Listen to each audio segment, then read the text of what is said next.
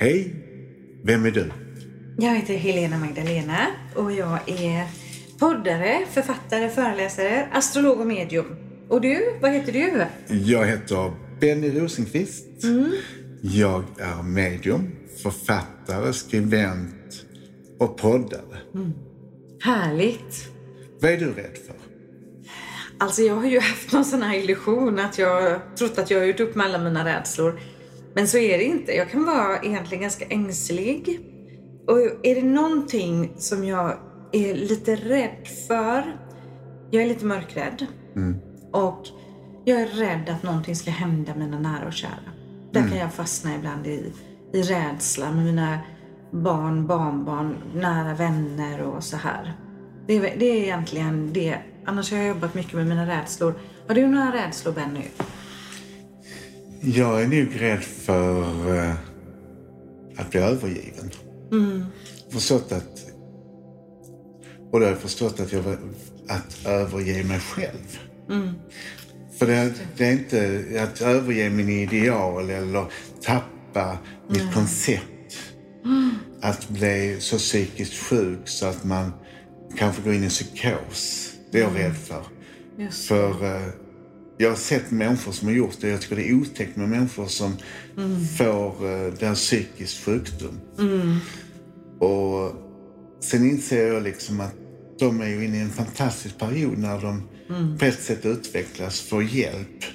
För de kommer tillbaka så blir de så lyckliga. Men det är Just det. fruktansvärt det de går igenom.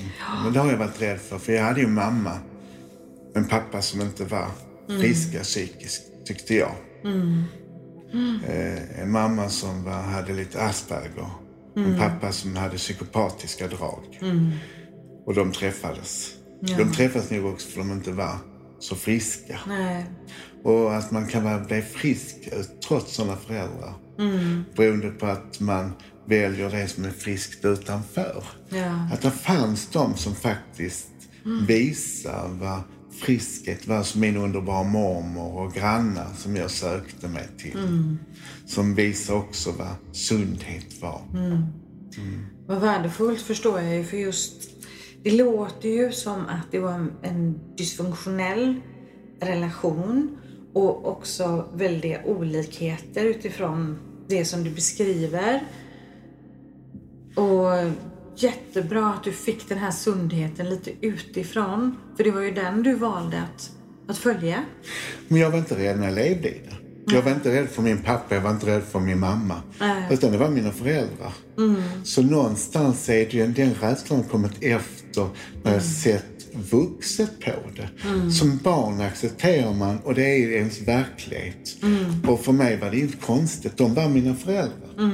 Så jag accepterar, man skyddar till och med dem. Ja, För man man. vill inte visa utåt för omvärlden. Och vår, vår fasad var ju väldigt vacker. Alltså välputsade fönster och gardiner och ordning i sängar och vet sådana saker. Så ingen kunde se vad som egentligen pågick. Nej. Sen har jag en rädsla för eh, människor som är ondskefulla. Alltså som eh, skulle vilja göra mig och andra, eller världen illa. Makthavare som är eh, lite sådär sjuka i huvudet som... Eh, ja, som vi har en del nu i världen. Som tittar mer på sin makt än på oss mä- mänsklighet. Att eh, prestige är viktigare än medmänsklighet. Ett liv är inte värdefullt. Mm. Och det känns ju som många är rädda för krig nu. Att det ska bli krig i eh, Östersjön. Att eh, Ryssland ska gå in. Att de ska ta över Gotland och Borgholm också har man hört. Och, Men på något sätt så känns det ju som, vi blir lite skrämda av media också. Att, Är det så här? Hur är det i Ryssland? Hur får de reda på saker? Blir de också skrämda för att vi ska komma till dem? Är det, är det ömsesidigt att vi, de blir skrämda precis som vi blir rädda för dem? Så att säga. Vi, det har jag ju haft ända sedan jag var liten, som man hört att ryssen kommer. Ja, precis. Och de kommer ju aldrig ju. Nej. Nej. Så varför ska vi vara rädda för någonting som aldrig händer? Nej. Och det är bättre att vänta och bli rädd till om de skulle komma och då får vi lösa det. För då finns det en hel värld som skulle hjälpa oss.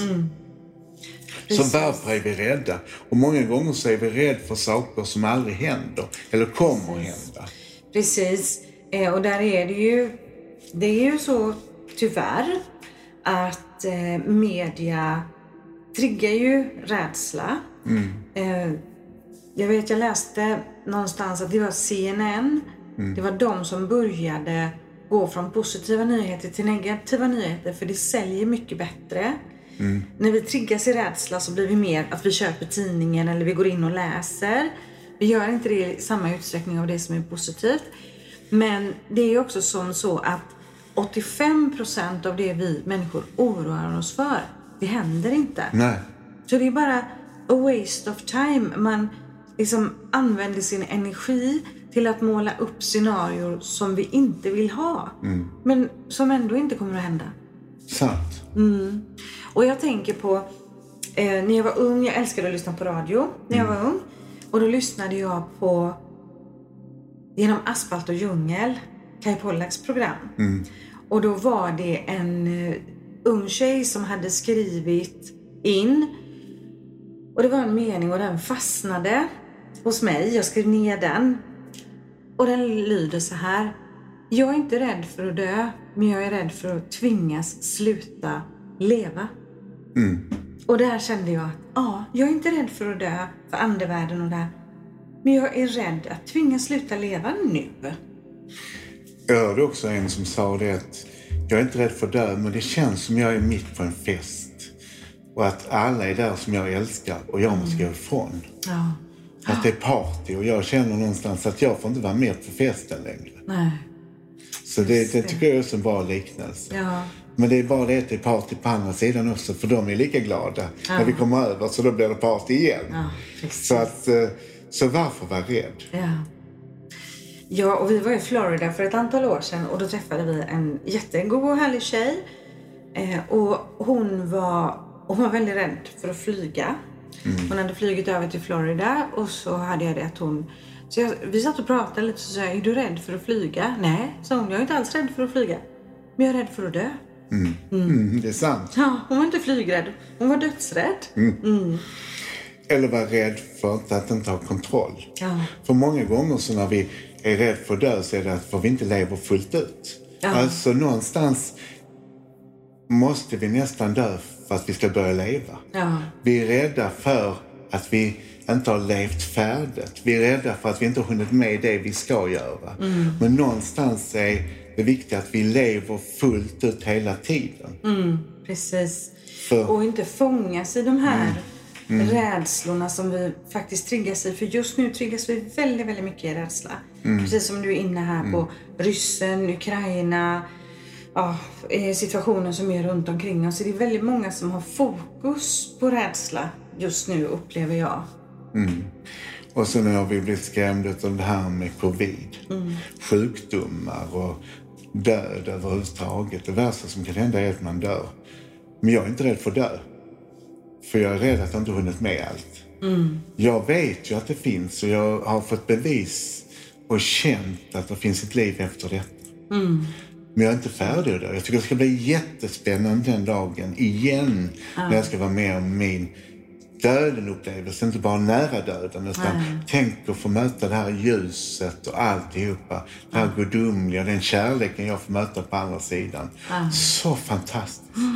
Ja. Sen är vi också rädd för kärleken. Att så många som är rädda för att först vill vi träffa någon, sen är vi rädda för att mista den, så vi är rädda för att leva med någon. Ja. Så många gör slut bara för att de ska slippa smärtan. Ja. Alltså den största fienden för kärleken, det är ju rädsla. Ja. Alltså någonstans att älska någon kan göra ont. Så man vågar inte satsa för man är så rädd för smärtan att mista någon. Men det är väl värre att aldrig bli älskad. Att aldrig få älska. Ja, och kan man då förhålla sig till vikten av att vara här och nu? För vi har dåtiden och det är erfarenheter som vi har lärt oss. Och så har vi framtiden som vi gärna kan se med tillförsikt. Men lever vi här och nu och tar tillvara på det som är här och nu utan att måla upp, tänk om han lämnar mig, tänk om han är otrogen, tänk om jag blir lurad och bedragen. Det är ju bara en massa tankar om det vi inte vill ha. Vi vet ju ingenting om det ändå. Det är bara här och nu vi kan njuta av det. Absolut. Jag hade faktiskt en rolig historia en gång. Och den heter Sluta oroa dig. Så egentligen finns det bara två saker att oroa dig för.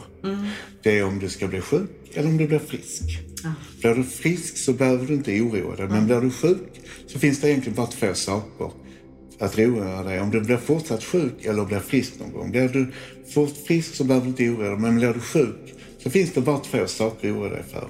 Det är om du dör eller överlever eller blir frisk. Blir du frisk behöver du inte oroa dig. Men dör du så finns det egentligen bara två saker att oroa dig för. Om du kommer upp där eller ner där.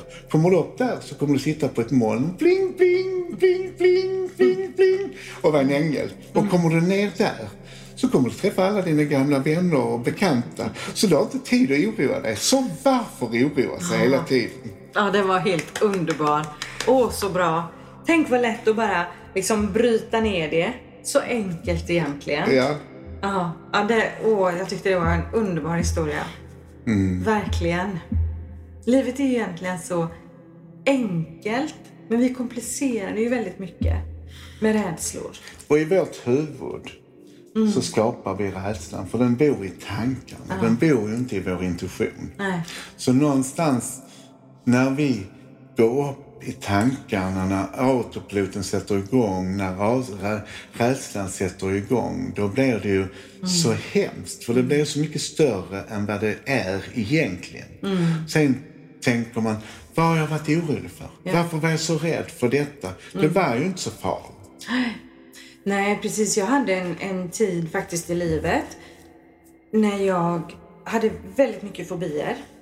Jag var så stressad. Jag pressade mig själv väldigt hårt. Jag hade småbarn, gick på universitetet, jobbade heltid eller halvtid i en kommun och halvtid i en annan kommun.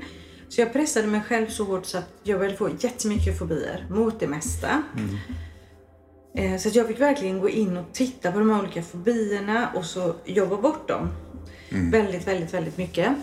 Eh, och fick jobba jättemycket med rädsla. Jag kunde inte sova borta. Det var jättejobbigt. Alltså jag var 32, 33 år och reste en del.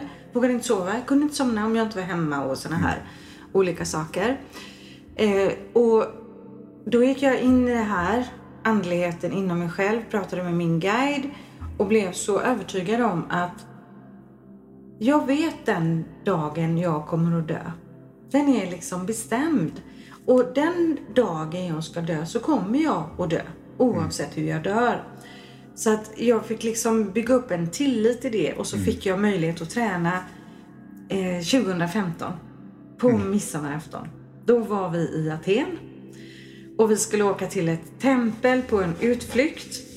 Och det var jag då och min dotter Jessica och min bästa vän Sofia, hennes dotter Daisy med pojkvän eh, Nikos.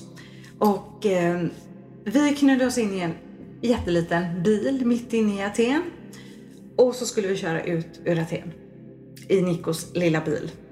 Och vi var livrädda. Vi var livrädda. Jag och Sofia satt i baksätet inklämda i stadstrafiken. Och vi lyckades ändå ta oss ut ur Aten och vi lyckades ta oss ut på vägen. Och jag, jag var så rädd Benny. Om du visste. Och jag satt liksom med min dotter bredvid och tänkte nu, nu, nu är det över idag. Så då fick jag bara gå in och börja andas, kontakta min guide där uppe och bara liksom ge mitt liv i händerna till min guide. Är det idag jag ska dö så kommer jag dö här i Aten. Och bara gå in i den tilliten igen. Så att jag kunde ju lugna ner mig. Och nästa stopp som vi gjorde så kom Sofia. Så sa hon, jag vågar ingenting säga till Nico så jag tänkte då blir han nervös. Då kör han ihjäl oss. Ska vi ta bussen eller ska vi ta bilen? men vi tog bilen och det blev lite lugnare sen. Ja, vad bra. Ja, men då fick jag verkligen träna på tillit. Jag trodde vi skulle köra ihjäl oss. Det som jag fick massa brev från hennes journals läsare. Och vet du vad? Den vanligaste underskriften var? Nej. Orolig mamma. Signatur. Får ni någonting i modersmjölken? Att ni ska bli oroliga för era Jajamän. barn? Jajamän. Alltså det är någonting som jag misstänker så fort nästan under graviditeten så blir ni oroligare. Jajamensan. Inte för er själv utan för era barn. Barnen? För papporna är ju aldrig så oroliga som mammorna är. Nej. Nej, helt sant.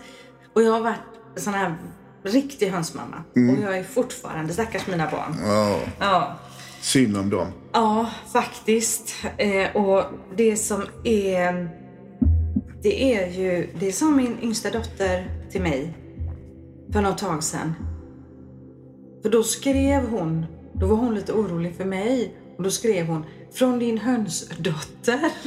Och då sa hon det att mamma du har varit sån hönsmamma så vi har ju blivit lite hönsdöttrar.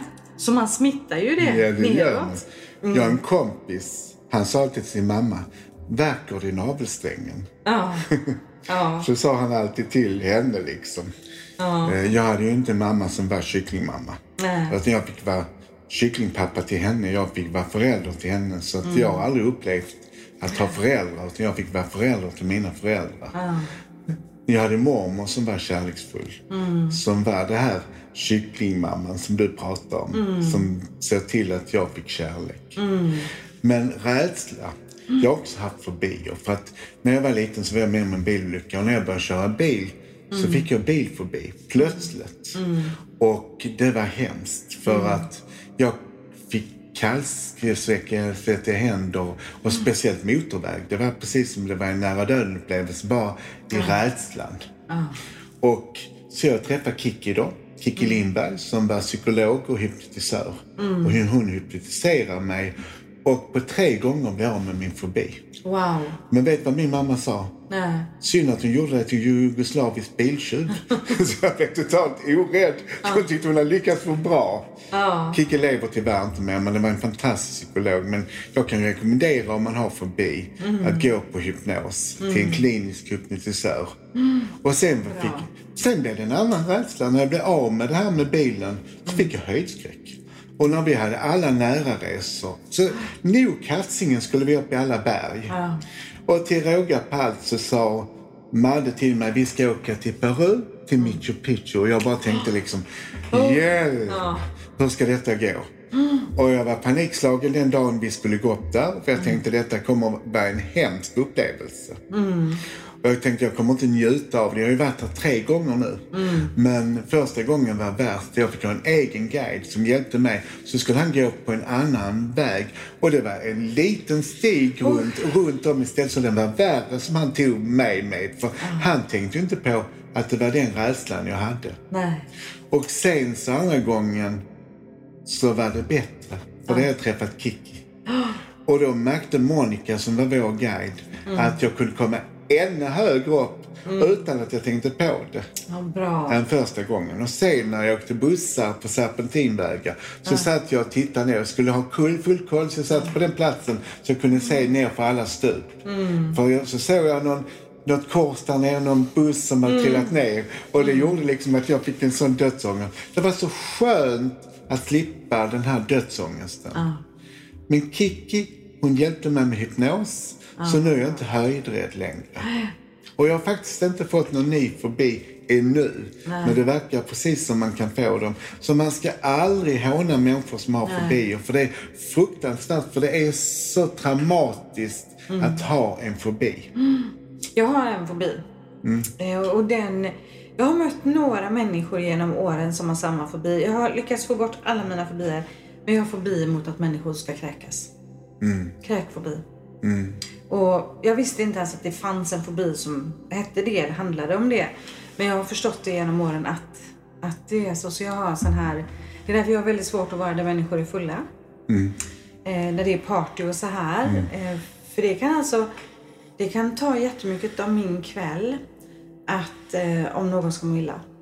Så, ja, men de andra fobierna har jag fått. Jag har haft fobi mot jättemycket. När jag bodde på Teneriffa, där hade jag fobi mot råttor. Och då såg man påkörda råttor på vägen. De syns ju alltid det som man har fobi med. Det kommer alltid mer av. Ja, eller de kommer ju så här. Så där hade jag råttfobi. Jag har haft... Jag har provat många fobier, så kan man säga. Ja.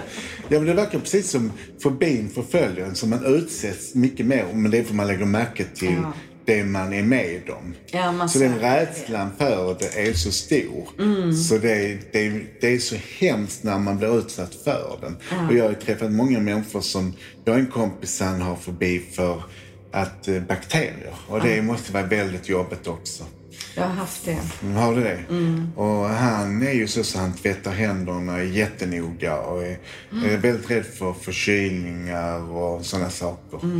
Men eh, han har blivit bättre och bättre så han jobbar på det. Ja. Och jag vet att han kommer att bli helt bra från det. Men det, är- det är väldigt jobbigt när man har en sån fobi som bakterier. Jag hade ju det. För det hängde ihop med kräkfobin. Jaha. Det var ju bakterierna utifrån om, om det gick vinterkräksjuka och sådär.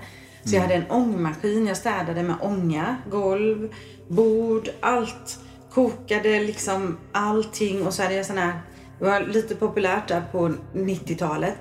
Antibakteriellt diskmedel, skurmedel, allt skulle vara antibakteriellt.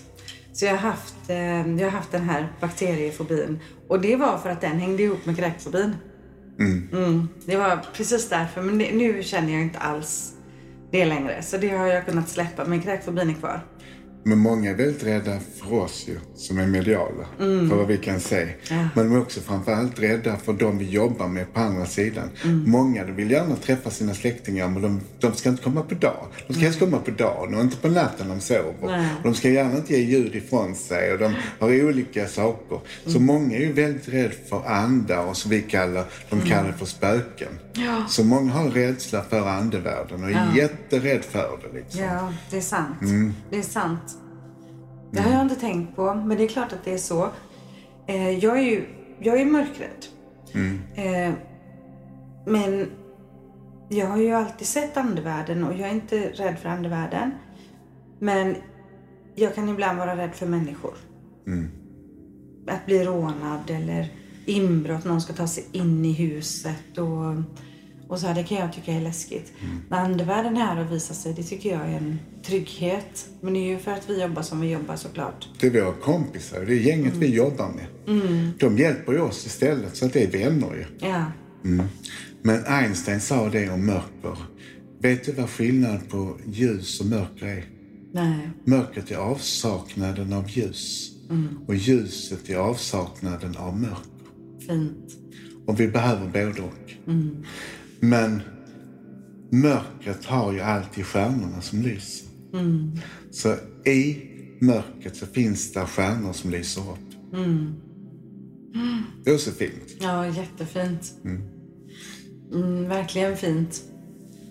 Och min eh, mormor sa alltid att i var stjärna så bor det en ängel och en ande. Så där, där uppe sitter morfar. Och så jag satt och vinkade till min morfar. För jag höll reda på vilken stjärna det var. Mm, vad fint. Och när jag fyllde 50 år så fick jag en stjärna av en kompis som hon hade köpt. Men jag vet inte vilken det är jag har fått. Men jag brukar titta vilken är det jag har köpt egentligen. Ja, precis. Vi får gå ut och leta där sen. Ja. Jag pratade ju med stjärnorna när jag var liten. Och det var ingen som hade pratat om det hemma hos mig. Men jag höll på att skriva min biografi och försökt komma tillbaks. Jag kanske var i 10-11 års åldern. Och då gick jag och pratade till stjärnorna, alltså till universumen, till stjärnorna. Så jag kanske hade fått någon information om att det var själarna som satt där uppe som jag kunde prata med. Och jag pratar just om stjärnor och universum för vissa är rädda för UFO. Eller för de från, som kommer från andra sidan. Och vissa de finns där, det är ödlor till exempel som finns och, och de beter sig speciellt på och de finns och de ser ut som människor och de äter människor när vi inte ser det. Så de är jätteäckliga. Och sen så har jag hört att det finns olika sorter så att de utomjordingar som har, finns här på jorden. Och det tycker jag verkar läskigt också. Undrar vad de äter de andra. Just det. Jag tänker på Barbara Marciniak, Gryningens budbärare. Hon skriver ju faktiskt om ödlor i den boken. Nu kommer inte jag riktigt ihåg det, för det var ju länge sedan den skrevs. Men att det skulle komma mycket ödlor i Mellanöstern. Och komma upp och så vara bland människorna och bidra till krig och lite olika så här. Det var hennes benämning av ödlor. Är du rädd för UFO? Nej, jag älskar det. Jag med. Jag tycker det är spännande med UFO, så jag är inte rädd för UFO. Men jag såg ett när jag var liten som bara kom och stod still och snurrade runt och sen försvann så här snabbt. Jag var 13 år. Och jag tänkte, såg jag det eller såg inte det? Men den kompisen som jag hade med känner jag fortfarande. Vi sa det, vi har varit med och vi har sett det. Fint. Och på tal om rädslor. Så när jag var liten, när jag växte upp då i vårt hus i Hindås, då var jag väl också där 10, 12. Då var jag jätterädd för att det skulle komma ett blått UFO och hämta mig. Jag var jätterädd för det här att det skulle komma och hämta mig. Och det var innan Star Wars och de här olika. Så jag kan inte säga att jag har sett ett. Jag kan absolut inte säga det. Jag kan säga att jag hade en rädsla för att de skulle komma och hämta mig i trädgården utanför huset. Och det var blått. Det lös blått ut så här för jag kunde liksom se hur det skulle se ut. Så det var jag, det var jag rädd för. Så du satt och sjöng det come and take away. Coming to take me away. Ja. ja, jag tyckte väldigt mycket om den låten. Ja. Nej, men jag, jag fascineras av UFO, verkligen. Jag gör det också. Jag tror att det, måste, att det kan inte ta slut. Att det är klart det finns liv på andra planeter. Det måste vi ha ett helt program också om att prata om. Ja. Det här med UFO. Det tror jag många kan tycka är jättespännande. Det får och lite läskigt. För vissa tycker det är läskigt och vissa tycker det är spännande. Men det som kittlar är ju en utveckling också. Ja. Det, är, det är när du blir vän med din rädsla, när det inte kittlar längre. Då har det blivit din vardag. Och då har du övervunnit din rädsla. Så rädslor är ju de vi ska bli vän med. Ja, för att sant. inte vara rädd längre. Sant. Ja, men det får vi göra. Och man har ju sagt det också i Vattumannens tidsålder. Att vi kommer att få se mer och mer av ufon och se mer utav de andra intelligenserna som finns i universum. Och jag har en känsla av att det ökar. Jag har sett ibland, alltså högre upp på himlen, olika ljus som har rört sig på väldigt specifikt sätt. Eh, och det är som att rör sig på ett specifikt sätt och sen tjoff, och så är det borta. Helt borta. Och jag tycker det är så häftigt att sitta här och titta ut på stjärnhimlen och så se om man ser någonting speciellt där uppe. Jag kan nästan känna ibland att, men kom hit nu. Vi längtar efter att träffa er här nere på jorden. Jag tror att de är med någonstans och hjälper Jag tror de finns där nu också. Jag tror de finns bland oss. Men de, jag tror inte de vill så illa. Utan jag tror de vill oss väl bara. Jag tror de vill oss väl. Mm, det tror jag Jag tror verkligen. Mm, de är här för att, att hjälpa mänskligheten att utvecklas. Jag tror det finns också krafter som kanske inte vill oss väl. Som också finns där från andra planeter. Nu blir jag rädd. Psykopater till exempel. Det tror jag är faktiskt, de kommer från en annan planet. det och de har det. inte den empatin och de är här för att ta över. För de är ofta i maktposition. Och de kan vara lite sadistiska och lite sådär också. Mm. Och sen är de alltid för perfekta, lite omänskligt snygga. Och Mm. De har ofta manipulationer och de lär in ett mönster så att de Mm. speglar sig i det. Så det känns nästan som de, de är lite omänskliga på något sätt. Ja, det är de. För de är ju nästan känslobefriade. De är jag rädd för. Jag är rädd för psykopater för det är svårt Mm. det att bli av med dem. De är svårt att bli av med. Narcissister är jag inte så rädd för men psykopater, Mm. de är jag rädd för. Framförallt de som är väldigt kalla. Mm. Och fantastiskt för de spelar trevliga. Och de är så farliga. Ja. De kan alla spelregler. De kan allt. Alla De spelregler. kan allting och de är ofta väldigt intelligenta. Det är mycket huvud men lite hjärta. Ja. Ofta inget hjärta alls. Nej, de har ingen empati. Nej, de anställs ofta när de ska sopa på företag. De Ja. blir anställda för att säga upp folk. För de bekymrar sig inte att de säger upp människor. Nej. Och tänk att leva med en psykopat. För den, Och den, den släpper dig inte förrän den är färdig med dig. Nej. Det är hemskt. Ja. Det är som Det är jag, sådana är jag rädda för. Det var, detta är lite otäckt att Ja, är prata om. jag. För där har jag en enorm rädsla. Det har jag också. Det är så, det är så o, olikt. Alltså jag brukar säga som så här, it takes one to know one. Och så kan man ju lära sig om de här olika beteende eh, problematikerna då, narcissism och de här olika. Man kan lära, man, man kan lära in lite grann. Man kan liksom se mer hur man kan bemöta det och sådär. Och man kan, i många utav de här beteendeproblematiken så kan man ändå liksom förstå på något sätt. Man kan relatera lite grann. Men inte vad det gäller de fullblodiga psykopaterna. Nej. Inte. Och det kan inte bota det. Eller som man säger, en, vilken terapi de än gör så går det aldrig att bli fri från psykopati. Usch vad hemskt. Ja men det är faktiskt riktigt Och otäckt. sen är det många som sitter på fängelse som är riktigt psykopater. Så de njuter när de mördar någon eller de njuter när de gör någon människa illa. Eller de kan njuta när de misshandlar en kvinna både psykiskt och fysiskt eller en partner. För det finns ju kvinnliga psykopater och manliga psykopater. Ja, oh ja. Ja, men de, har, de är olika i sitt beteende. Men det gäller någonstans att spring, spring, spring åt andra hållet. Och du kan aldrig rädda eller hjälpa en psykopat. ja. Så hur snygg han, hon än är, så spring, spring, spring. Ja, precis. Det är väl det just att eh, där får man ju vara oerhört intuitiv. För det är lätt att, eh, att falla för de här tricken. Att bli liksom den här... Eh, falla för den energin som den här personen har lärt sig att spela ut om man säger. Den spelar ju dig och den gör, ger allt det du vill och drömmer om. Så den ger, i början är det den mest fantastiska person du har träffat. Du har aldrig träffat någon som vet och känner och förstår det. Men du har aldrig träffat någon som vill dig så illa sen efter heller. Nej. Nej, man får verkligen gå på sin intuition. Och framförallt när man känner att någonting är fel. Så får man lämna det. Och det finns ju, det finns ju hjälp att få. Ja. Det finns hjälp att kunna söka för att kunna ta sig ifrån så svåra destruktiva relationer. Eh, Och då, då ska man söka den hjälpen. För det är svårt att, att kunna komma ur det här för man blir ju så manipulerad, man blir så hjärntvättad. Så att man behöver ju liksom få hjälp att få tillbaka sitt vanliga mindset.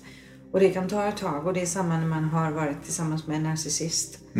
Så tar det också tid att läka och, och ändra om sättet att tänka och sitt värde och så här. Men det finns ju jätteduktiga terapeuter och olika jourverksamheter som kan hjälpa till i alla fall. Jag tror det är viktigt att eh, söka hjälp och inse så man kommer upp i självkänsla och blir tillbaka till sig själv och hittar tron på sig själv igen. För man är, har fått ett lågt självkänsla när, och självförtroende när man har varit levt med en psykopat. Verkligen. Eller haft en psykopat som chef. Så kan det också vara skönt att gå och få hjälp av en psykolog som hjälper dig att programmera in dig själv igen och Ja. titta tillbaks till din storhet och det du är värd och, och fantastiskt det. Är. För det är ofta psykopater vill ha motstånd så det är väldigt fantastiska människor de väljer. De väljer motstånd och någon som är kloka för de, de väljer inte de som de inte får motstånd hos. Men de har ofta ett gäng med sig som är en massa ja-sägare också, som Mm. älskar dem och som inte ser vem de är.